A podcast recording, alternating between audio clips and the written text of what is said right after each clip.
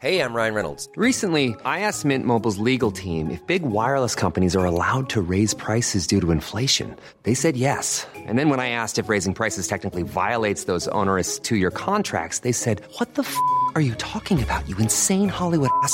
So to recap, we're cutting the price of Mint Unlimited from $30 a month to just $15 a month. Give it a try at mintmobile.com slash switch. $45 upfront for three months plus taxes and fees. Promo rate for new customers for limited time. Unlimited more than 40 gigabytes per month. Slows. Full terms at mintmobile.com. Hey, it's Ryan Reynolds, and I'm here with Keith, co star of my upcoming film, If, only in theaters, May 17th. Do you want to tell people the big news? All right, I'll do it. Sign up now and you'll get unlimited for $15 a month in six months of Paramount Plus Essential Plan on us. Mintmobile.com slash switch. Upfront payment of $45 equivalent to $15 per month. Unlimited over 40 gigabytes per month. Face lower speeds. Videos at 480p. Active Mint customers by 531.24 get six months of Paramount Plus Essential Plan. Auto renews after six months. Offer ends May 31st, 2024. Separate Paramount Plus registration required. Terms and conditions apply if rated PG. A lot can happen in three years. Like a chatbot may be your new best friend. But what won't change? Needing health insurance. United Healthcare Tri Term Medical Plans, underwritten by Golden Rule Insurance Company, offer flexible, budget friendly coverage that lasts nearly three years in some states. Learn more at uh1.com. Ann, vet vad som nalkas snart? Sommarsol. Och min berömda midsommarfest. Det är din älsklingstradition. Och vad passar då inte bättre än att vi denna vecka sponsras av Rusta? Jag drog iväg till Rusta och gjorde, du vet, den här episka inköpskavalkaden. Alltså de har så mycket bord, stolar Dynlådor. och det lampor. roligaste av allt. Ja, Jag vet. lampor, mattor. allt Skatglittret. Gud vad man älskar det. För jag måste säga så här. Det spelar ingen roll hur fina möbler du har. Om du inte har lullullet, Mm. de fina ljusslingorna, ljusen, lyktorna, blommorna. Kuddarna, Nej, mattorna. Precis. de det måste utemattor. spegla Ja. livet, det underbara livet. Hörni, gör som vi. Gå in på Rusta och botanisera bland alla deras helt fantastiska utemöbler och allt sortiment av det vi väljer att kalla skatklitter för din sommarfest. Tack Rusta för att ni sponsrar Inte din morsa. Tack, vi är så glada.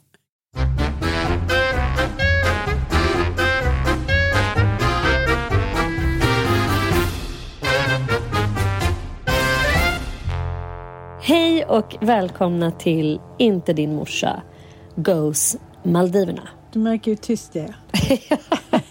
Jag kan höra någon slags mörkt stråk i din röst som kallas avund. Det är inte ofta du råkar ut för det från min sida faktiskt. Nej, alltså ofta så brukar vi göra såna här grejer dels tillsammans Ja, och, och sen så är du själv väldigt bra på att göra såna här grejer och jag får sitta hemma så kan man ju också sammanfatta det. Du är ju en jävla... jaha, så åker jag Ja, du är ju en väldigt berest människa. Du har ju varit Det- mer utomlands under hela den här coronapandemin än vad utrikeskorrespondenten har varit, höll jag på att säga. Ja, tre gånger. Åh, jag är trött, men det jag tror att det är just det där med Maldiverna. Det finns någonting som är så liksom exotiskt lockande just för att jag tror aldrig att jag har hört någon som har blivit besviken på Maldiverna. Jag har aldrig hört någon som var så här, nej men vi flög dit och sen var det inte alls som det liksom såg ut och som folk har sagt, utan alla som jag känner som har varit på Maldiverna är liksom Breathtaken, Helt, ja. Precis, precis. Och, nu är ju Camilla Läckberg? Hon skrev till mig eh, igår så eh, kommenterade hon på en bild. Hej jag vinkar till dig nu. Så, här. så hon Aha. är ju på Four Seasons och vi är ju då på Club Meds Resort och det ligger i samma atoll.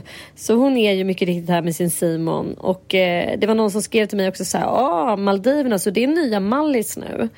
Eh, och anledningen till att man uppfattar det så och för att många har ju varit här. Malin Gramer har varit här, Kristin Kaspersson har varit här på höstlovet.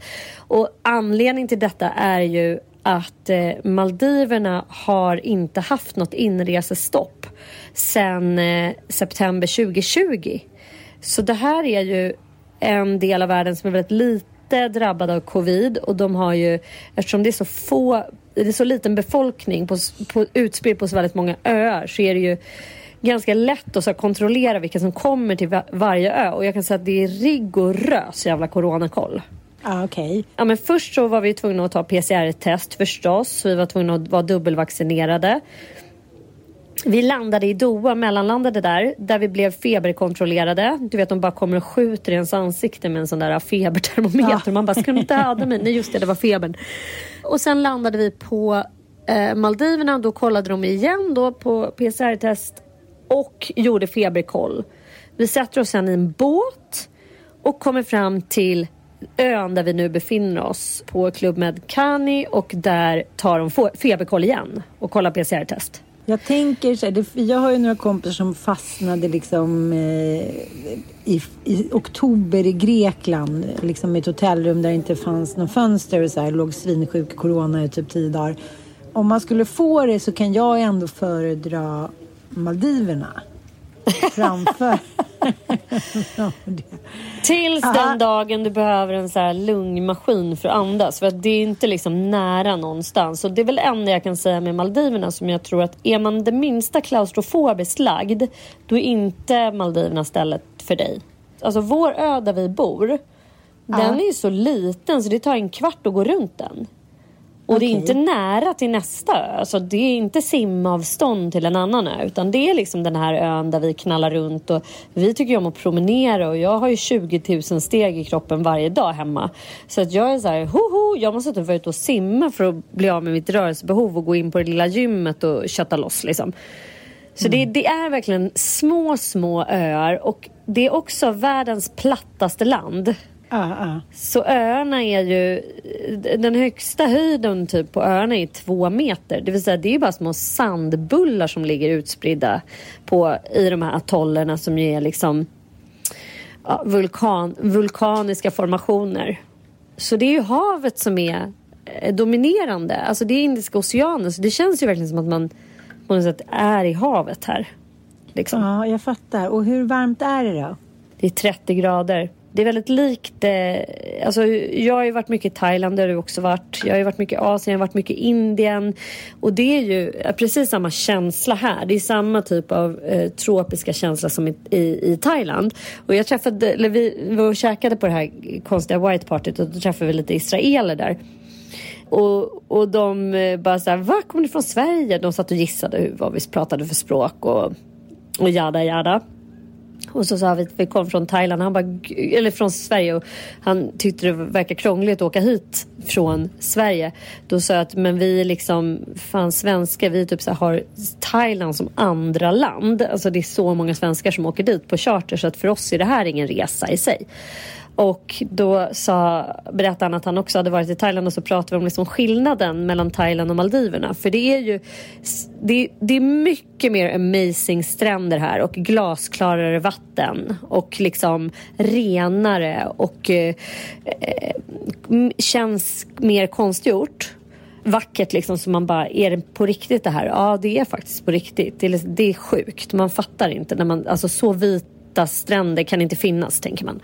Men Thailand är ju mer liksom liv och rörelse Jag fattar, jag fattar. och så människor och lokalbefolkning och det händer grejer och man kan byta. Alltså det, det händer ju mycket mer där. Och sen är det ju också variationen. Att i Thailand så kan man ju gå ut och käka på 43 000 olika restauranger av varierande kvalitutta. Här är det resortets buffé som gäller och eh, gillar man inte den då är det ju jobbigt liksom. Nu ska jag säga att det här är fantastisk mat så att vi klagar absolut inte. Men det är lite skillnad. Ja, Såklart. men jag har faktiskt rest med Club Med och det var ju stressande på grund av att jag tyckte, vi var i Turkiet och det var så jävla god mat. Jag bara kände så här, du vet när man känner stressen, man är så här, nej men det är för mycket gott. Och där står den där lilla glada farbrorn och bara steker sina så här, turkiska köttgrejer. Och jag måste gå förbi honom idag. För att det finns inte en liksom fysisk möjlighet att jag kan ta liksom. Ja, men det är lite spännande. Men det är, man ska säga så här, Ja. sammanfattningsvis kan man säga så här, för att folk ska förstå vad Club Med är, så är det en fransk charterarrangör eh, arrangör som ju då har liksom startat upp en nordisk filial. Så det, det går att åka med Club Med även för oss. Men Club Med är kända för sitt samarbete med Cirque du Soleil. Så de precis. är ju... Det, här på den här ön kan man liksom köra cirkusklasser. Och Club Mm. Med har som inriktning också den aktiva semestern. Så även på denna lilla ö som det tar exakt en kvart att gå runt så kan du liksom, du kan segla katamaran, du kan gå ut och dyka, du kan köra cirkus, du kan lära dig att hjula, du kan, det är zumba-klasser, det bara händer ju grejer hela tiden. Det är inte liksom några lata människor som åker på Club Meds. Och sen det andra är ju att så här, fransmän, de är gourmander, de vill ha mat, de vill ha goda grejer. Och det, det här är goda grejer. Bufféerna är inte en så här slafsig Grankan, Buffe, eh, alla, och jag vill, inte nämna, jag vill inte snacka skit om något resebolag. Men du fattar, det här, är liksom, det, här är buf, det här är buffé på en annan nivå. Det är liksom så här, det är konfiterat anklår med en liten linssallad. Det är liksom perfekt grillad tonfisk. Det är sallader som man trodde att man liksom aldrig skulle kunna bli serverad. Det är riktigt, riktigt bra mat faktiskt. Mm, så det är väl lite ändå- kännetecken. Och sen också att det är svin mycket dyrare än en ordinarie charter får man ju ändå lägga till för att vara någon slags...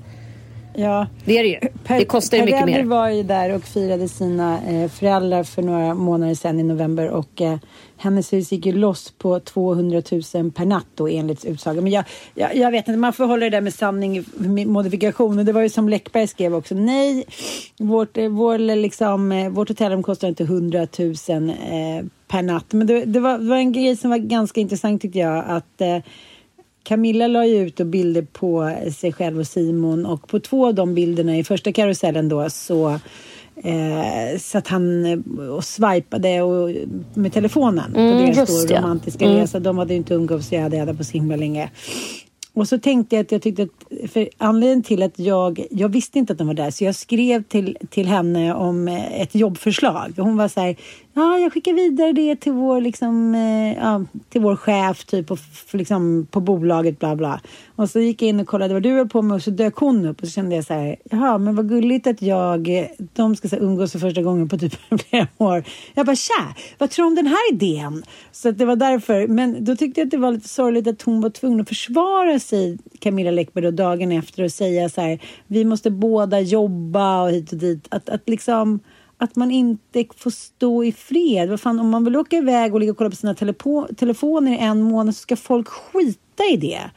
Liksom, jag är bara lite inne på det där att så här, Jaha, men hur perfekt är en egen semester? Vadå, är det så att man så hoppar i sänghalmen och pippar 24-7 när man har barn ihop och, och jobbar och har liksom företag? Nej, det är faktiskt inte så. När man är frilans måste man jobba. Då ska alla säga, han tittade på telefonen typ. Nu verkar det nästan inte vara något bra mellan er. Det verkar, ja, men du fattar att man ska inscenera och lägga sig i. Det är ju liksom verkligen baksidan av att lägga upp sina, sitt liv i bilder. Ja, eller baksidan är väl att hon ens bryr sig om vad folk skriver. Alltså Ja. att hon får kritik och, och sen eh, går igång på det och måste försvara sig. Mm. Men det är en annan grej som jag tänkte på när hon postade att så här, ja nu åkte vi hit och hon har ju en rolig grej att hon skriver så här, ja men Polly är inlämnad på hundpensionatet i Bagarmossen i vanlig ordning. För att då handlar ju det om att hon har fått kritik för att lämna barnet, deras gemensamma barn hemma och så sticker de iväg på en liksom romantisk semester själva. Och det har ju de gjort sen, sen Polly var liten då och fått kritik för det. Men det är kul, men det, det skämtet hade ju inte kommit om inte hon hade tagit åt Nej, sig. så är det ju alltid. Ingen rök Och dessutom så har hon fortfarande, alltså hon är så, vilket är både gulligt på något sätt, jag tycker det är mänskligt men samtidigt så bara önskar jag så här, gud läs inte dina kommentarer. För att hon, hon måste också alltid försvara varför hon måste få åka iväg och vila för att hon jobbar så hårt. Och då tänker jag så här, okej, alla vet ju att hon tjänar väldigt mycket pengar. Och det verkar ju som att hon i stort sett är ekonomiskt oberoende och borde ju då kunna säga nej till att jobba för mycket. Eh, då, bo- alltså förstår du hur jag tänker? att eh, Hon har ju ändå hamnat på den nivån att hon inte måste bränna ut sig på sitt jobb. Hon borde kunna säga stopp, jag behöver vila hemma i min, mitt hus, Villa Lumos. Jag, jag behöver liksom inte eh, jobba slut på mig själv. Alltså, det är som att hon har någon slags jantelag. Alltså, om, om jag ska få åka till Maldiverna så måste jag ha fått jobba så hårt så att jag förtjänar det. Jag tycker bara sammanfattningsvis så vill jag att hon ska stänga av sin kommentarsfunktion. Hon ska inte behöva se vad folk skriver till henne. Jag vill ha henne mer ofiltrerad och bara så här, njuta ännu mer som en så Jackie Collins-figur som går loss på lyxet. Ja, så tänker jag med. Herregud, låt en kvinna åka iväg och göra vad fan hon vill utan att, att man ska börja försvara sig. Men så där har vi inte alla lite i oss? Alltså jantelagsgrejen? Att så här... Jo, jo, det har vi ju såklart. Ja. Men, men det jag känner är ju att om någon skulle kommentera att jag, eh, att Mattias hade kollat på telefonen när vi var på kärlekssemester. Det skulle jag faktiskt skita högaktningsfullt i tror jag. Ja, det skulle jag också göra. Alltså, men sen är det också så här att har man... Jag har ju ändå gått kanske den hårdaste skolan som går att gå. Och det var när jag skrev krönikor för Aftonbladet. För då får man ju så jävla Eh, amount of hate som man liksom aldrig kan föreställa sig. Och då slutar man ju till slut att läsa, man tar inte in det. Och lite grann så var det faktiskt när jag bloggade på mamma också. Att det var så mycket kvinnor som hade så mycket åsikter om allting. Dels om hur man såg ut, hur ens hem såg ut och det var fult och man var en dålig mamma och man var liksom för tjock eller för smal eller hade en konstig partner. Hur kunde man vara ihop med någon som var liksom drack och drogade? Alltså det var så mycket moralistisk bullshit där. Så då slu- alltså jag är helt... O- alltså jag läser ju inte ens kommentarer särskilt ofta. Nej. Så är det ju. Och det, det är ju bara av självbevarelsedrift. Alltså så här, man kan inte börja anpassa sina inlägg efter vad folk tycker. Då blir man ju skittråkig tänker jag som konstnärlig utövare. Och sen kanske man inte ska dra fler jämförelser mellan ett så här influencerkonto och konst. Eller så kan man det. Ju mindre filtrerad man är, ju mindre man lägger band på sig, desto mer intressant blir det ju alltid. Ja, ja men ta, en, ta en, en kvinna som Peg Parnevik till exempel. Som, eh, ja, men, men hon gör ju en kvinnofråga av allt till exempel. Och hon rasar ju på det sättet hon vill. Hon gråter. Hon, liksom, eh, hon är deprimerad, hon hatar, hon, eh, hon är liksom ganska så ofiltrerad. Och varför skulle inte det vara intressant att titta på? Och jag tänker så här, man måste också vara i en viss position tror jag och ha en viss liksom eh, backup för att det ska vara attraktivt. Om hon inte hade haft så här trygga Mamma Mia och liksom sina syrror och en lovande karriär, då blir det ju direkt liksom snaskeri. Mm. Förstår du lite vad jag menar? Vi behöver inte nämna några namn. Det finns ju flera svenska liksom, kvinnliga artister och skådespelare och även i utlandet. Bland annat Lindsay Lohan eh, och liknande skådisar. Och vår älskade Britney. Eh, där det lätt blir liksom eh, att man tittar för att få ett liksom begär stillat som är så här jag vet inte om det handlar om att man liksom känner sig helt plötsligt ganska sammansatt själv eller om man vill bara titta på liksom eh, tokerierna som sker eller vad det nu handlar om. Men, men eh, ja, du fattar lite vad jag menar. Men med Peg blir det aldrig så för att hon liksom för att hon är en feministisk förebild med kollen då på något sätt. Ja, Och liksom, Men det- inte- jag håller inte med så dig att om- Britney Spears farsa har täckt upp liksom så här, eller hennes syrra har ju inte varit så här. Okej, kom hem nu till huset i Florida så bara nörsade vi dig och tar hand om dig och firar jul och pappa liksom Jesper klär ut sig till tomte. och liksom du blir så här mammavaggad. För jag skulle vilja vara dotter till Mia Parnevik och blir mammavaggad av henne. Om det finns någon där som liksom, det kommer man själv ihåg från när mamma levde, att man kunde liksom be, här, bete sig lite hur som helst och agera lite hur som helst. För det var bara att åka hem till mamma så fixade hon biffen på något sätt. Det var en enorm trygghet. Och jag vet inte om det var rätt eller fel. Det kanske var jätteorättvist mot mamma, men det var lite så man undermedvetet resonerade.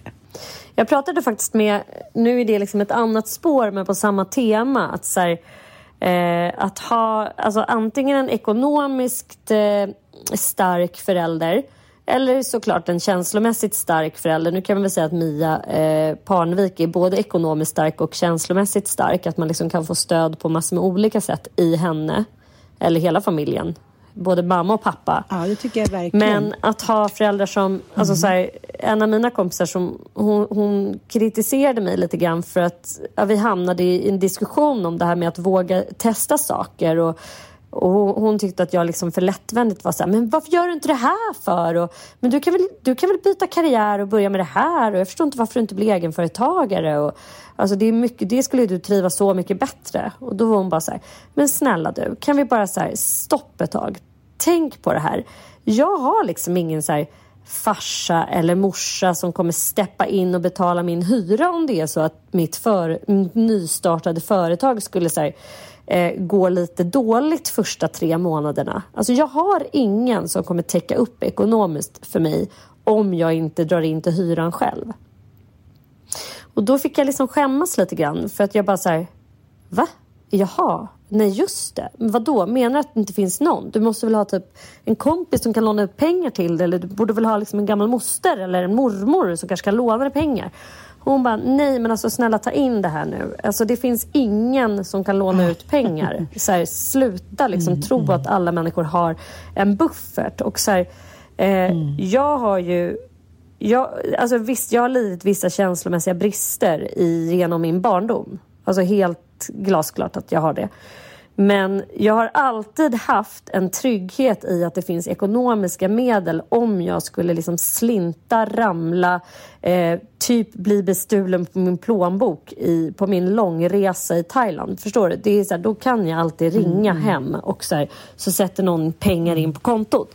Och det är en jävla stor skillnad. Det är en jättestor skillnad i hur man bemöter livet och vad man vågar ta för risker och att våga mm. välja saker. Och Det är inte så här att alla människor har samma förutsättningar att välja sitt eget liv. Utan har man eh, en trygg känslomässig eh, liksom back, someone holds your back eller en trygg ekonomisk back så har man mycket större möjligheter. Och det, det ska man komma ihåg.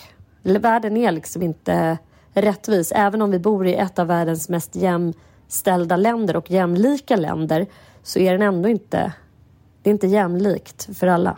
Jag tror ändå att det är... Alltså, det kommer alltid vara svårt för dig och andra som har den backupen att verkligen förstå. För att det är en sån enorm trygghet att liksom att veta att det finns någon som kan steppa in. Och liksom, jag kan ju inte säga att jag har det längre heller. Alltså nej, men för dig är det, nej, men jag säger så här, alltså det, det är också det som kan hända under ett liv. Alltså du kan ju mm. ha en ekonomiskt stark förälder och så plötsligt har du inte det.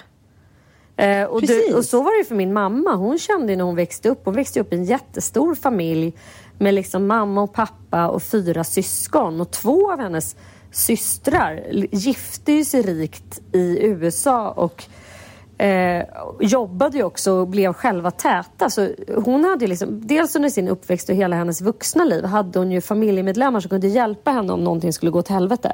Och sen plötsligt när de dog så hade hon ingen. Nej. Alltså det kan ju också hända under en människas liv faktiskt. Mm. Att man liksom har någon som finns där och så plötsligt har man det inte. Och vad innebär det skillnad? Men sen kan det ju också bli så att man själv...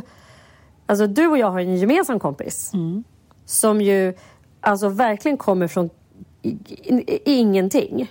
Mm. Hon hade ingen ekonomisk backup och hon har varit den största arbetsmyran av dem alla. Mm. Och jobbat sig upp och fick till slut en jävligt så här, välbetald tjänst mm. samtidigt som hon gjorde en helt bizarr bostadskarriär. Mm, mm. Lyckas liksom köpa loss sin, sitt hyreskontrakt av en bostadsrättsförening som vill vara lite schysst så hon får köpa det till ett så enormt underpris. Mm, mm. Och sen sålde hon den ganska nyligen och nu är hon alltså multimiljonär. Jag sa det till henne, jag bara älskling du behöver aldrig mer jobba, du är multimiljonär. Hon bara, det här är helt sjukt. Mm. Det kan ju också hända. Ja, gud ja. Eh, och då, då får man liksom omformulera eh, hela sin inställning till livet. Att säga, gud jag behöver inte känna den här oron längre eller den här mm. otryggheten eller, eller så. Men jag, jag är helt med på vad du säger. Alltså, jag har ju, har ju någonstans alltid i mitt bakhuvud vetat att någon kommer kunna hjälpa mig om jag hamnar i ett ekonomiskt mm. knipa. Och det, eller någon, min pappa. Liksom. Det, jag ska inte hymla om det. Kommer inte, du bara, Micke kommer inte Nej, hjälpa han... mig. Nej, snåle Nej, men vad fan, killar kommer och går. Det vet ju du också. Ja, ja, för fan. Men och, Mm. att ha liksom en familjemedlem, det kan ju vara att man har en brorsa som är skittät också. Eller en syrra som har det gott ställt också. Du har väl ändå din syrra som någon slags backup i ditt liv, tänker jag. Kanske inte ekonomiskt, men i alla fall som någon slags backup. Ja, gud ja, gud ja. Men det där har ju också gått upp och ner. Men jag tycker också att det är intressant det där att trots att min pappa eh, bara lämnar skulder efter sig så ibland tycker jag att det är svårt att veta vad som är vad. För även om han aldrig har kunnat hjälpa mig ekonomiskt, eller jo det har han ju, men inte senaste 15 åren då kan man säga, så är det ändå eh, det här liksom trygghetskapitalet som vi pratade om i förra podden, att så här, de går på något sätt in i varandra. Att bara ha ett jävla arsle till förälder som kan hjälpa med pengar, det är inte heller en särskilt skön känsla. Utan det man, det man hade velat ha var ju så här, ja, men en förälder, föräldrar som finns där som hjälper en med ekonomiska frågor och liknande. För det kan jag känna, de, som du säger, våra kompisar som kanske kommer från eh, ja, men, arbetarbakgrund och sen så har jag lyckats göra en, en liksom, bostadskarriär och liknande. Det handlar ju om att de har inte varit nonchalanta. De har inte varit fåfänga när det gäller till exempel bostäder och lön. Det har liksom varit det viktigaste i deras liv. Nummer ett så kommer tryggheten med cash och bostad och sen får resten komma. Medan vi har varit nästan lite tvärtom. Okej, okay, Okej, nu kör vi. Det löser sig. Då hittar vi något nytt. Då hittar vi på något roligare. Bla, bla, bla. Och sen så är plötsligt så kanske den inte möjligheten finns. Och då blir det så här, oh shit, vad hände nu? Mm. Och eh, det blir jävligt tydligt också när man kollar hur, hur det ser ut för kvinnor och e- ekonomi i då, dagens Sverige. Och vi har ju fått lite kommentarer från, eh, eller jag la upp idag det här TCO då som eh, 2018 kom med en undersökning om så här, ja, men så klassisk inför julen och det gjorde de ju även 2008. Och eh, liksom, det blir ju aldrig någon skillnad. Eh, utan kvinnor tar ju på sig det här eh, liksom, julansvaret och traditionsansvaret och liknande. Men det som är så jävla patetiskt tyckte jag var eh, också i, i den senaste TCO-undersökningen är att män som samlever eller är gifta och lever tillsammans med, liksom, ja, med sina fruar och med sin familj, det är de slöaste skitstövlarna. Och det gör mig så jävla irriterad, för de har mer social liksom, trygghet, de är lediga mer, de har bättre pengar, de bor bättre och så vidare och så vidare. Och ändå så är de slöfockar. ja, men är det inte paradoxalt liksom? Jo, det är jävligt paradoxalt. Ja, så då blir det så här, jaha, hur vinner man den matchen då? Liksom? Jag tror att det var en procent av så här, gifta män som sa att de var de som tog ansvar över julen. Du vet, det, var så, det, det var så barockt och horribelt att jag kände så här, nej men nu går jag upp och lägger mig igen. Och, Men det var eh, samma sak äter jag läste om föräldrapenningen. Alltså det har gjorts Ja. en undersökning nu hur liksom män versus kvinnor fördelar föräldraförsäkringen mellan sig. Och då har det visat sig att så Mm. här, kvinnor sparar in föräldradagar för att kunna vara ledig längre med barnen. När du har varit föräldraledig i ett år då kommer din SGI liksom att eh, försvinna. Så du kan bara vara det under ett år och sen måste du börja jobba igen. Och då tar männen över. Men då tar de ut alla dagar inklusive helger. Trots att de inte är med Jag fattar, barnet jag då. fattar, ja. Förstår du? För Ja, att jag de fattar. bara, åh gud, då kan jag passa på att jobba två dagar i veckan fast ändå ta ut föräldrapeng så att jag får lite extra cash varje månad som jag kan spara på mitt egna sparkonto. Vi bara, kanonidé. Kanonidé. Medan kvinnor då, när de har varit föräldralediga så har de tagit färre dagar för att kunna vara hemma längre. Vilket gör att kvinnor då har under sitt år som föräldralediga har gått ekonomiskt back. Alltså det är så smutsigt och så jävla idiotiskt. Och det jag uppmanar alla som lyssnar till och som jag önskar att jag... Så här, det här är först upp nu i 40-årsåldern som jag har blivit varse om att så här, Here's a cool fact a crocodile can't stick out its tongue. Another cool fact you can get short term health insurance for a month or just under a year in some states. United Healthcare short term insurance plans are designed for people who are between jobs, coming off their parents' plan, or turning a side hustle into a full time gig. Underwritten by Golden Rule Insurance Company, they offer flexible, budget friendly coverage with access to a nationwide network of doctors and hospitals. Get more cool facts about United Healthcare short term plans at uh1.com. Many of us have those stubborn pounds that seem impossible to lose, no matter how good we eat or how hard we work out. My solution is PlushCare. PlushCare is a leading telehealth provider with doctors who are there for you day and night to partner with you in your weight loss journey. They can prescribe FDA-approved weight loss medications like Wagovi and Zepbound for those who qualify. Plus, they accept most insurance plans. To get started, visit plushcare.com slash weight loss. That's plushcare.com slash weight loss. Ever catch yourself eating the same flavorless dinner three days in a row? Dreaming of something better? Well, HelloFresh is your guilt-free dream come true, baby. It's me, Gigi Palmer. Let's wake up those taste buds with hot, juicy pecan-crusted chicken or garlic butter shrimp scampi. Mm. Hello Fresh. Stop dreaming of all the delicious possibilities and dig in at HelloFresh.com. Let's get this dinner party started. Hey, it's Ryan Reynolds, and I'm here with Keith, co star of my upcoming film, If, only in theaters, May 17th. Do you want to tell people the big news?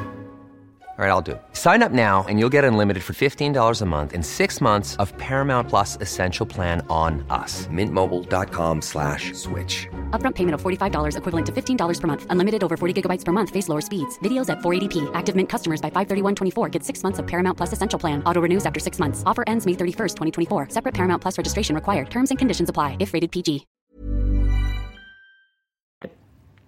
Ekonomi är ett område i livet som ett är jävligt viktigt. Två innebär, fri, alltså, innebär frihet faktiskt. Och tre som Mm. eh, minskar ångest i så jävla hög grad. Alltså jag skulle säga att en stor del Mm. av den ångest som jag har känt i mina dagar, även om jag har eh, ekonomisk backup, så jag ska inte säga att den är effortless. Den är, den är verkligen inte effortless. Det är inte så att jag kan ringa till min pappa och bara hej, jag är lite slapp, jag orkar inte betala min hyra, kan du göra det? Det är Nej, absolut nej, inte så det funkar på något sätt. Så har det Särskilt aldrig inte funkat. efter våra... Nej, Särskilt inte efter Särskilt vår- inte nu tyvärr. Man har ju skjutit sig själv i foten big time. Nej men det har aldrig funkat så. Men, men däremot så har jag ändå vetat att här, om det helt och hållet skulle skita sig så skulle det gå. Alltså det, Ja. det har absolut inte varit så att jag har blivit försedd med varken apanage eller underhåll någonsin under mitt liv. Men jag har alltid vetat att det finns att det finns en möjlighet att komma ur en ekonomisk knipa. Men det, jag har ändå Ja. haft väldigt mycket ekonomisk ångest i mina dagar. Och det beror liksom på dels okunskap och att så här, kvinnor i hög grad, och det är också en klassfråga eh, skulle jag vilja hävda, att födas in i ett arbetarklasshem, vilket jag ändå får lov att säga att jag har gjort. Även om min pappa har gjort en enorm klassresa så kommer han ju ur arbetarklass. Och där har man liksom, finns ingen vana att prata ekonomi. Det finns ingen det finns ingen kultur av att liksom sitta och diskutera aktieköp för det finns liksom inga pengar att köpa aktier för. Eh, och det är samma sak för min mamma som kommer från en bondesläkt i Jämtland. Alltså det har aldrig funnits några pengar över. Så det är bara så här... Eh, alltså det är helt o- o- o- vi är okunniga på den fronten helt enkelt. Men det är någonting som jag vill ge mina barn. Att få alltså dels förstå vad saker och ting kostar. Alltså budget, överblick över ekonomi. Hur man kan spara, hur man kan investera. Hur man kan se till att faktiskt skapa sig ekonomisk trygghet. Jag tycker det är jävligt coolt. Jag var på den här middagen då med Camilla Läckberg och eh, ett gäng influencers för några veckor sedan. Och då var eh, den här fantastiska kvinnan som eh, kallar sig själv för Börshajen på Instagram. Eh, hon har precis kommit ut med en bok som jag nu eh, ligger och läser. Och eh, hon heter Andra Farhad. Och eh, hon brukar prata sparande bland annat i Nyhetsmorgon. Och hon kommer inte från någon eh, överklassbakgrund utan hon har själv då tagit reda på hur fan börsen fungerar. Och sen, eh, hon var jätteung när hon började med det här. Och sen så, så började hon liksom sakta men säkert bygga sin aktieportfölj. Och det var som hon sa, jag bara, vad är hemligheten bakom att du har lyckats då? Hennes bok heter Haja börsen och den är ju då slutsåld. och jag tycker det är så jävla smart för hon berättar på ett pedagogiskt och enkelt sätt som att man typ men nästan som att man går i nian. För det är ungefär så mycket man fattar av börsen. Ja. Och sen berättar hur hon har gått tillväga och eh, nu är hon så här liksom eh, ekonomiskt oberoende och eh, är en så här skön tjej från orten som har skrivit böcker och cashar in liksom. Och det tycker jag är så jävla coolt. Men hon sa det, min hemlighet är, för jag sa så här, ligger din hemlighet i att du aldrig har tagit några större risker? Mm. Och då sa han, ja, jag har sakta men säkert liksom trocklat mig vidare på börsen. Och, och om man har den inställning så kan ju faktiskt till och med eh, Köris Söderlund eh, eh, bli en vinnare på börsen. Men då är det mycket som förutsätter icke bokstavskombinationer, icke behov av pengar och så vidare och så vidare. Liksom. Mm. Så att alla kan ju eh, såklart. Men det som jag tänkte på är ju att det här fluffet som vi gör hela tiden tar ju så jävla mycket tid. Ja. Och liksom så att det blir lite så här moment 22. Det var en tjej som skrev eh, till mig idag, hon DMade så skrev hon så här.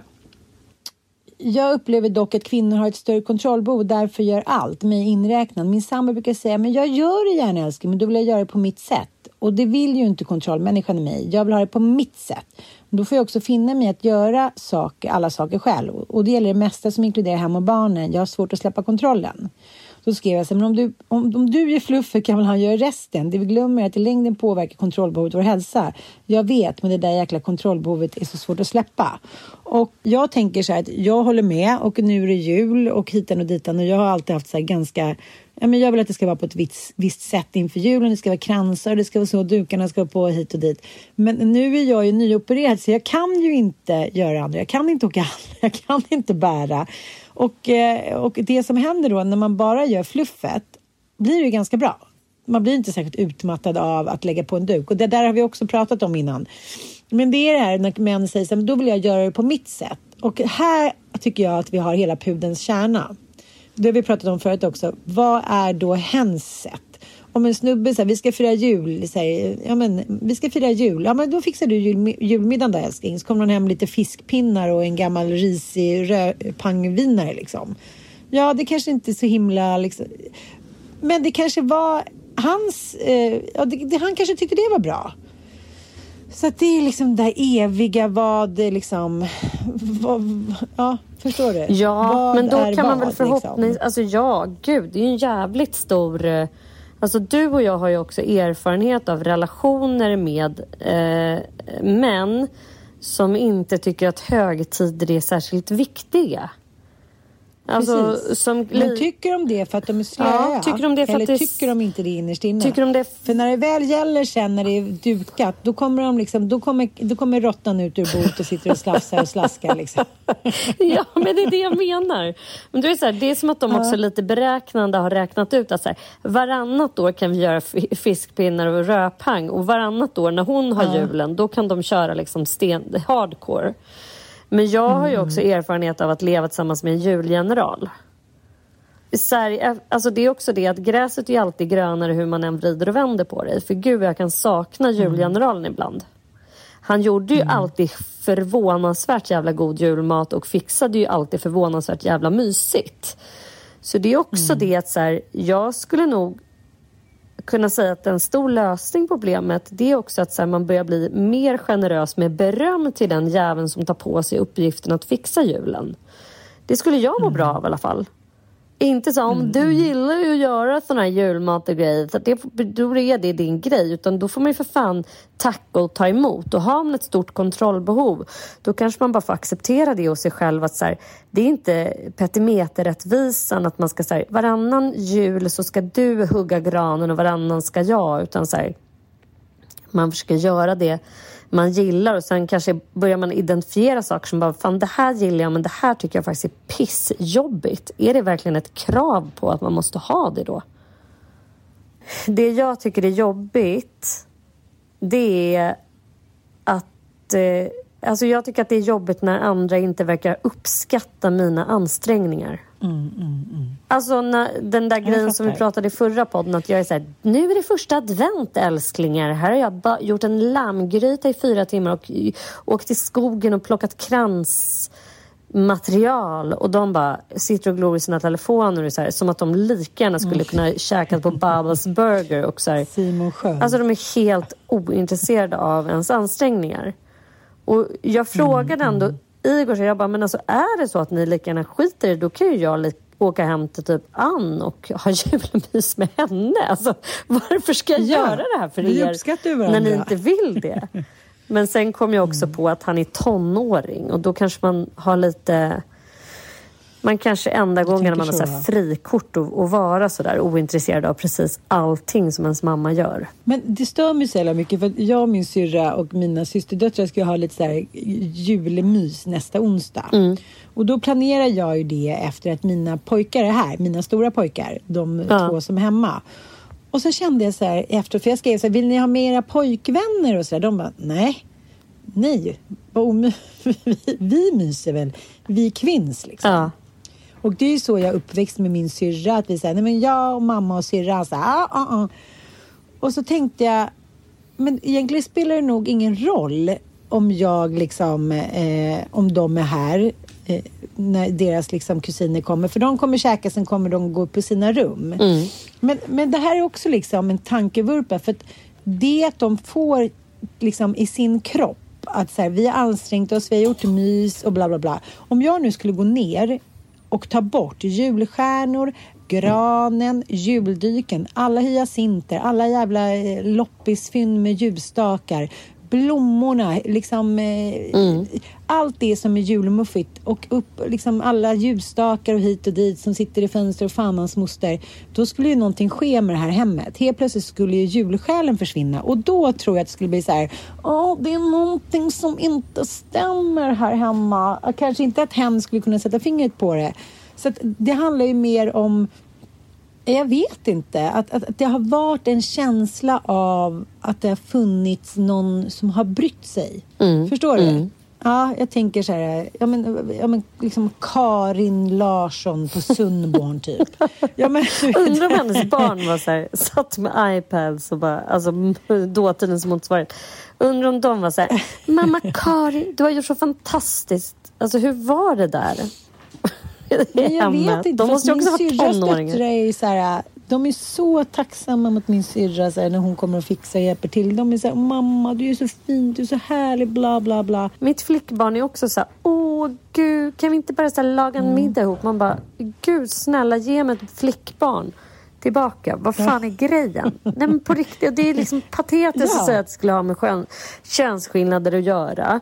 Eh, att det här skulle Mm. vara någonting biologiskt nedärvt. Men det är också så här, eller är vi helt jävla misslyckade som mammor som inte har lyckats genusfostra dem? Tydligen. Tydligen är det så. Ni, ni som lyssnar får, får tycka till Är det för sent? Är det för sent? Kan vi rädda dem från att vara urusla pojkvänner? Jag sa det till Igor, jag bara, om du sitter så där med din flickvän, du kommer bli dumpad direkt. Så liksom ansträng dig. Ja, men det kör jag, till, det kör jag också till, till Ilan. Så här. Ska ni svara så till era flickvänner, då kommer liksom, det kommer inte bli långvarigt. Nu så ligger jag här. Jag, ligger, jag måste fråga dig om ett råd. Jag vill ju skicka den så här senaste så här, eh, internationella, typ globala sex, eh, sexgallupen. Där det handlar då om så här, vad ska man göra för att kvinnor ska få eh, mest utdelning på orgasmen. Och då tänker jag så här, det kanske är att gå över gränsen. Att skicka så här, att ett ta för givet att de själva inte har koll på det här. Och två så här, snusktanten vill att de så här, Det ska bli bra ska gå ner, knullare. Typ. Nej, men, Nej, men det går inte. Det bara, det bara skulle vara så jävla... Jag känner så här, någonstans måste man sätta ner foten. Okej att de är slöfocka, men de måste ändå vara bra lovers. Eller jag vet inte, det är en så här desperat handling av när jag ser hur allting så här faller mig. Vad heter det? Ja, men så här, slipping through my fingers, typ. Eh, Jag vet Egentligen inte. så tycker jag att det skulle eh, vara en ganska bra eh, ganska eh, bra grej att skicka. Alltså det, jag vet, Ja. fan, det var någonting som jag läste under den här veckan som jag kom att tänka på. Att så här, allting som, ja, men det var ju såklart på Holistic Psychologist. såklart, var det annars? Nej, men där hon tog upp det här med så här, med sex och porr. Varifrån får vi våra, så här, eh, våra sexuella preferenser och var lär vi oss om sex? Och de flesta lär sig om sex via porren idag. Det är bara så. Och så här, det kan vi Eh, bara, nej, det kan inte vara möjligt. Så här. Men alltså, jag har ju inte en enda kompis som sitter och pratar ingående om sex med sina barn. Det är någonting som är jättetabu att göra och det känns som att så här, Mm. Och samtidigt så är det ju att lämna dem helt till ödet. När de då ska träffa en, eh, sin första liksom, Mm. Ja. tjej eller kille eh, och så ska de försöka lista ut hur man liksom ska ha bra sex tillsammans. Alltså hu- hur man ska skapa ett bra typ samliv. För fan vad jag hatar det ordet för övrigt, men du fattar vad jag menar. Det låter så Mm. Ja. väldigt mycket Jo. pensionär. Det är ändå väldigt viktigt. Ja, men det, det är liksom. skitviktigt. Och ändå så bara, men vad är de utelämnade till? Det är så några timmar sexualundervisning i skolan, men sen är det ju porr och sen är det ju samtal mellan varandra. Och så var det ju för oss också. Inte fanns att mina föräldrar pratade om sex med mig. Alltså min pappa sa ju på Nej, sin höjd så här, glöm inte kondom. Typ när jag sa att jag skulle sova över hos en kille. Och han var för övrigt min ki- Mm. killkompis. Jag blev så jävla förbannad och bara, ah vad äcklig du är. Hur kan du ens tro något sånt? Men det var väl, det var väl så långt eh, han pratade om sex med mig och min mamma pratade jag nog aldrig om sex med. Mer än att så, här, akta så du inte blir med barn. Det var ju aldrig någonting om så här, du vet att du har en klitoris. Alltså, det var ju absolut inte något samtal på den nivån. Hur var det för dig? Nej, nej. För... Nej, men alltså jag kommer ihåg när jag var ihop med Kenneth Andersson. Och eh, vi hade börjat ligga och vi satt i bilen. Hur gammal ihåg, var du då? Ja, men då var jag 14. Och eh, vi sa, Oj. ja men bara det är ju så, här, så hemskt att Det är jag... helt bisarrt. Jag började direkt tänka på Staffan Hildebrand och Morilla. Men, men eh, då sa hon så här, ja, eh, har ni börjat ha sex med varandra? Och så här, nej, nej. Och, ja, för i så fall kan du, eh, kan du komma och prata med mig om, om du behöver skaffa skydd. Jag bara, vad snackar du om typ? Blev så jävla upprörd. Jag kände mig liksom... Jag tyckte att det var helt gränslöst av henne. Fast det var ju inte det. Nej. Jag kände som att, min, att hon liksom sköt sönder min inte- integritet fast hon bara ville väl. Liksom. Jag vet inte har varför hänt- man som barn upplevde det sådär. Jag tyckte också att det var så otroligt obehagligt när min mamma skulle ta menssnacket med mig. Jag bara, gud vad håller hon på med? Hon håller på och bryter någon så barndomsmagi för mig. Så här. Och Ja, ja. Jag vet inte om det är för att vårt samhälle är så kvinnohatiskt så att man redan som flicka kände sig, jag vill inte vara kvinna för min mamma, jag vill vara en flicka fortfarande. Jag, Ja, jag vill inte ja, vara en så här besudlad sköka typ. Men jag tyckte det var så Nej, jag vill, vara, obehagligt. jag vill vara barn resten av livet i hennes ögon. Ja. Och, och därför Och sen var det så man här läser så här- kränkande att hon skulle så börja betrakta mig Ja, så som här, en... Lenas pappa gjorde typ en mensfest för henne när hon var 13 och fick mens och hon fick massa presenter. Jag var så här, nej, låt henne för fan vara i fred. Låt henne få vara Ronja Rövardotter typ tio år till. Och det här står också i vägen för en utveckling och kvinnohat och kvinnoskammande. Så att så här, det, det- det här är också någonting som man själv måste ta tag i. Jag tänkte på en grej att så här, fram till för 60 år sedan när p-pillret kom, liksom, då hade ju kvinnor bara funnits till sexuellt för att reproducera sig. Det var väl för fan ingen som frågade liksom Anna-Karin Lundasdotter eh, ute i Närke socken om hon fick en orgasm efter knulleriet. Alltså det var ju inte så. Och då på 60 år knappt så ska liksom hela världen då transformeras till någonting helt annat. Och eh, det säger sig självt att det är en resa och kommer vara ett tag till liksom. Såklart. Och då att gå från det här Madonna, hora, sköka. Jag menar inte att det finns nedärvt i våra gener, men det finns ju nedärvt i våra liksom intellektuella, eh, i vår intellektuella genbank. Ja, i tänk dig den tra- transformationen. Liksom. Gud Ja, jag vet inte om min, min pappa någonsin var så här. Vad vill du ha Ako? Vill du ha lite massage med olja och ska jag ta fram typ en superdildo med liksom en, som ser ut som en hare? förlåt, förlåt, nu skändar jag någon i himlen. Nej, men, du fattar. Och som du och jag har pratat om, liksom, och nu måste jag så här, också skamma dig och mig lite när vi så här, är på pappa Ulf och hans unga tjej Ninna. Så här, Gud, vi vill inte ens tänka på det. Nähä? Ja, men skit i om vi vill tänka på det. Liksom, vi, vi har inte med det att göra. Vi får inte skamma någon vad gäller sex, liksom, det sexuella om det inte är liksom pedofiliaktigt. Jag tänkte också på dels när unga killar som kommer från sportvärlden då eh, berättar om eh, övergrepp, vilket har skett eh, senast nu i eh, efter fem här för några dagar sedan. Det är ingen som ifrågasätter deras trovärdighet. Men om en tjej berättar att hon har blivit eh, liksom våldtagen eller sexuellt trakasserad, då ska det alltid vridas och vändas. Mm. Snacka hoppas om att, att de säger- fy fan vad jag har tänkt på det sen vi poddade Har sist. Du Ja, också och också när det Ja. gäller Staffan Hildebrandt att så här, det är pojkar som har vittnat om det här, då är det sant. Och Mm. när det är ishockeykillar som berättar om sina nollningar, då är det också sant. Det är alltså ingen som ifrågasätter att det här skulle vara eh, att det här skulle vara osanningar, att någon skulle ha liksom några vinster Nej. av det. Alltså fy fan vad du har rätt i Nej, det. Vad sjukt det, det, är. ska man ju inte... Ja, och det ska man ju inte heller ha. Det är klart man Varför inte ska man ska ha. ifrågasätta? Liksom, som att det är... De flesta har ju också förträngt det och det kommer då fram när, när liksom någon annan berättar. Mm. Och jag tänkte på det han, Bill Wyman, kommer du ihåg honom? Han, Mm. han var ju med i Rolling Stones. Jag tror att han var basist i Rolling Stones typ i 30 år. Mm. Och sen så i början på 90-talet så lämnade han Rolling Stones och eh, fick ju ändå väldigt mycket rubriker eftersom han gifte sig med 18-åriga Mandy Smith när han då var 52 år.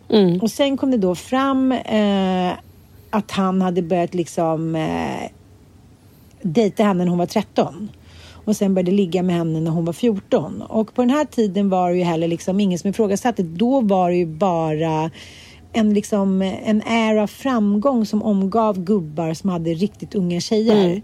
Nu menar inte jag att det var så accepterat att det var liksom, att, att det var någon, jag vet till exempel en, en kvinna i 55-årsåldern som var tillsammans med en 18-åring. Det hade ju inte, alltså det fanns ju inte på den här tiden. Nej. Det liksom, nej men då hade man blivit utesluten. Det var väl typ liksom- Jackie ur samhället. Collins på sin höjd. Precis, ja. någon sån där, ja men liksom tanta Lora med kapital typ. Så att då gifte de sig, så kom det här fram att de hade liksom varit ihop sedan hon var 13 och eh, och hon berättade i en intervju att hon under så många år anklagade sig själv för att hon gick med på det här och för att hon började ha sex med honom och för att hon njöt av det hit hit och dit. Och två år efter de gifte sig så skilde de sig och då gifte han sig med hennes mamma. Va? Nej men Förlåt, sluta. men white trash fick Oh ett helt mitt God. ansikte. Och nu när hon själv har jobbat med ungdomar, när hon har blivit äldre, så inser hon så här, nej, det handlar bara om att man i en viss ålder så är det så många ungdomar som vill ha bekräftelse och bli älskade. Och det tycker jag tangerar det du och jag sa, att när ens egna föräldrar ville finnas där som stöd så ville man säga nej men låt mig bara få vara din flicka, låt mig ligga i din, liksom, ditt knä och du ska sjunga så här vargsången för mig. Och då sökte man sig till andra vuxna som skulle bekräfta en på det sättet då. Vilket som såklart utnyttjas utav jävligt många. Det där sexuella eh, anmälningarna mot barn och det ökar ju för varje år som går. Så att det, är så här, det är ett stort, stort, stort samhällsproblem som man måste ta på allvar. Och därför är det så jävla bra att det här kommer upp på tapeten. Och jag blir så jävla äcklad när jag hör Hildebrand säga, men han kunde väl sagt till då att han inte ville, att han inte tyckte det var härligt att knulla med den här 50-åriga gubben typ. Du vet, det är liksom insiktsfullheter vi minns. Att det är så här, Ja, men, men det också, du kommer ihåg själv när man var i den där åldern, när ens kropp började förändras och man började få så här, känslor av eh, sexualitet som man inte kände igen. Man var ju liksom, jag var jättekåt när jag var så här 14, 15, 16, men, men jag visste inte vad jag skulle göra av det. Och det är väldigt sårbart och man är väldigt liksom man är som ett villebråd där ute och man försöker liksom kontrollera sin kropp och känslor och så här, och så kanske man inte vill ha hjälp av sina föräldrar eller någon annan utomstående. Alltså, fan vad det är svårt. Mm, det är skitsvårt. Det är, liksom- det är väldigt svårt Ja. att, att navigera i det där. Och jag tycker som sagt att det verkar som att vi är på väg mot en ny tid där vi liksom måste eh, förändra både så här, synen på sex och så här, vår fostran kring sex. Man kan ju inte... Alltså om alternativet är att ens barn ska bli fostrade till eh, vad sex är av porrfilmens värld alternativt Ja, av varandra. Får man ändå liksom Då känner jag så här, kämpa på känns det som. Ja, alltså... Nej, Ja, man får inte ge sig. det måste... Men år 2020 så ökade anmälda sexualbrott i Sverige till 24 100 per år 2021. Under 2020 anmäls det högsta antalet våldtäkter mot barn hittills, 16 procent fler än 2019. Vi vet att mörkertalet är stort och undersökningen visar att det rör sig om 452 000 barn totalt som utsätts för sexualbrott varje år. Det är liksom så här, och idag kan en jävla förövare som utnyttjar ett barn som är under 15 år för att köpa sexuella handlingar enbart få böter. Och det, det här utgår ifrån att liksom man inte bötfäller någon eller dömer någon genom att utgå från barnets liksom riktiga ålder. Utan vad då förövaren trodde eller upplevde att hen var i för ålder. Alltså det är så barockt. Jag tycker man ska höja lovlighetsgränsen till 18 år. Höj det bara. Gör vad, fan, gör vad som krävs för att få bort den här skiten. Ja, men jag tycker också att man ska så här, eh, som vuxen person vinnlägga sig om, precis som samtyckeslagen, att eh, personen har åldern inne. Om det så ska krävas att man ska kolla någons lägg. För att liksom... Ja, det var ju så jävla lätt att Är fixa man osäker, om man tror att någon ljuger, eh, då kanske man inte ska låta bli att ligga med just den personen, tänker jag. Jag var lite Jo, men osäker, men hon sa att hon var... Man bara, oj då, men då kanske du skulle ha låtit bli totalt i alla fall. Jo, men vissa tjejer som är 13 ser ut som 25. Men, men det handlar inte om det. Det handlar om att det inte är män som utsätts i samma höga utsträckning. Men när det gäller covidpass, eh, överviktiga gubbarna då som röker och dricker för mycket, de är svinrädda för att själva dö i covid. Så då kan inom Då kan man kolla pass och där kan man kolla vaccin. Ja, Men du för övrigt, absolut. för övrigt, kan vi inte alla en, en, gång, en gång för alla eh, döda myten om att det finns 13-åriga tjejer som ser ut som 25? Jag kan sanningen eh, att säga, eh, säga eller jag kan, jag kan säga att jag aldrig har träffat en 13-årig person som jag har trott har varit 25 år. Har du någon gång varit med om det? Nej, när jag tittar på mig själv när jag var 13 så ser jag ut som tre. Så att, nej, Mm. jag håller med dig. Men det som, det som, som män då påstår att när någon har kort kjol och smink, Då ser man då ut är det per automatik. Ja, men då är man ju riktigt jävla dum i huvudet alltså. Ja, de är ju det, gubbjävlarna. Nej, nu ska du faktiskt få gå ut och simma med delfiner, min älskling. Jag ska inte hålla dig längre. Stör inte mig mer nu. avundsjuk. Jag är så glad för din skull. Och eh, hade jag blivit uttråkad om jag var där? Finns det padelbana här? Finns det tennis? Ja, gud nej, du hade klarat av det här en vecka. Det tror jag helt klart. Ja, ja. Du och jag måste också göra någonting tycker jag nu Det snart. måste vi verkligen göra. Next time it's our time. Vi kommer definitivt, vi jag behöver åka iväg och, och jobba. jobba. Och det vet Jag du. måste blåsa upp en, eh, jag måste blåsa upp en badring som jag kan sitta på. Hur känns det nu? Har du börjat läka? Ja, fast det, ja, jag tycker att det är ju bara ni, tio dagar sedan. Det, kommer liksom, det, det tar tid, man känner det och det är ju därför man är sjukskriven så här längre. Om man går upp för en trappa eller liksom eh, blir lite upprörd eller håller på, jag skulle lägga in någon maskintvätt här liksom igår här. Nej, men det straffar sig och jag vill inte hålla på och gå på den här moffen längre eftersom jag inte kan bajsa och hit och dit. Så nu tar jag ju bara Ipren liksom. Gör bara det nu. eh, Ja, Nej men alltså om, om, jag, om jag får välja, då ligger jag alltså f- 24-7. Så tar en liten, idag tog jag min första minikini-promenad och sen går jag och lägger mig igen. Alltså det finns ingen rastlöshet, det finns inget liksom önskan om något annat. Jag är liksom inkapaciterad och min kropp eh, och mitt psyke känner det liksom. Så jävla bra. Jag tror att det här är skitbra för dig. På många sätt. Ja. Inte bara för... Igår var det någon som sa så här, the tightness in the det är pussy." inte fyra, sex veckor, det är fyra, sex månader som går. Jag bara lam. Typ så här, förtvinade muskler. ja, jag vill också be om ursäkt eh, för jag fick från hjärt och lungfonden att många har blivit eh, upprörda över, eh, jag ska man säga, ironiseringen över eh, kvinnor som är långtidssjukskrivna eh, i covid i det avsnittet där vi hade Kristoffer Triumf, Din tröst i natten. Eh, om det var någon som kände så så vill jag verkligen, eh, eller vi vill be om ursäkt och eh, vi respekterar och förstår såklart att eh, det finns eh, många kvinnor som har blivit långtidssjukskrivna på grund av covid. Tack för att ni lyssnar. Puss och kram från Bromma och Maldiverna. Puss puss!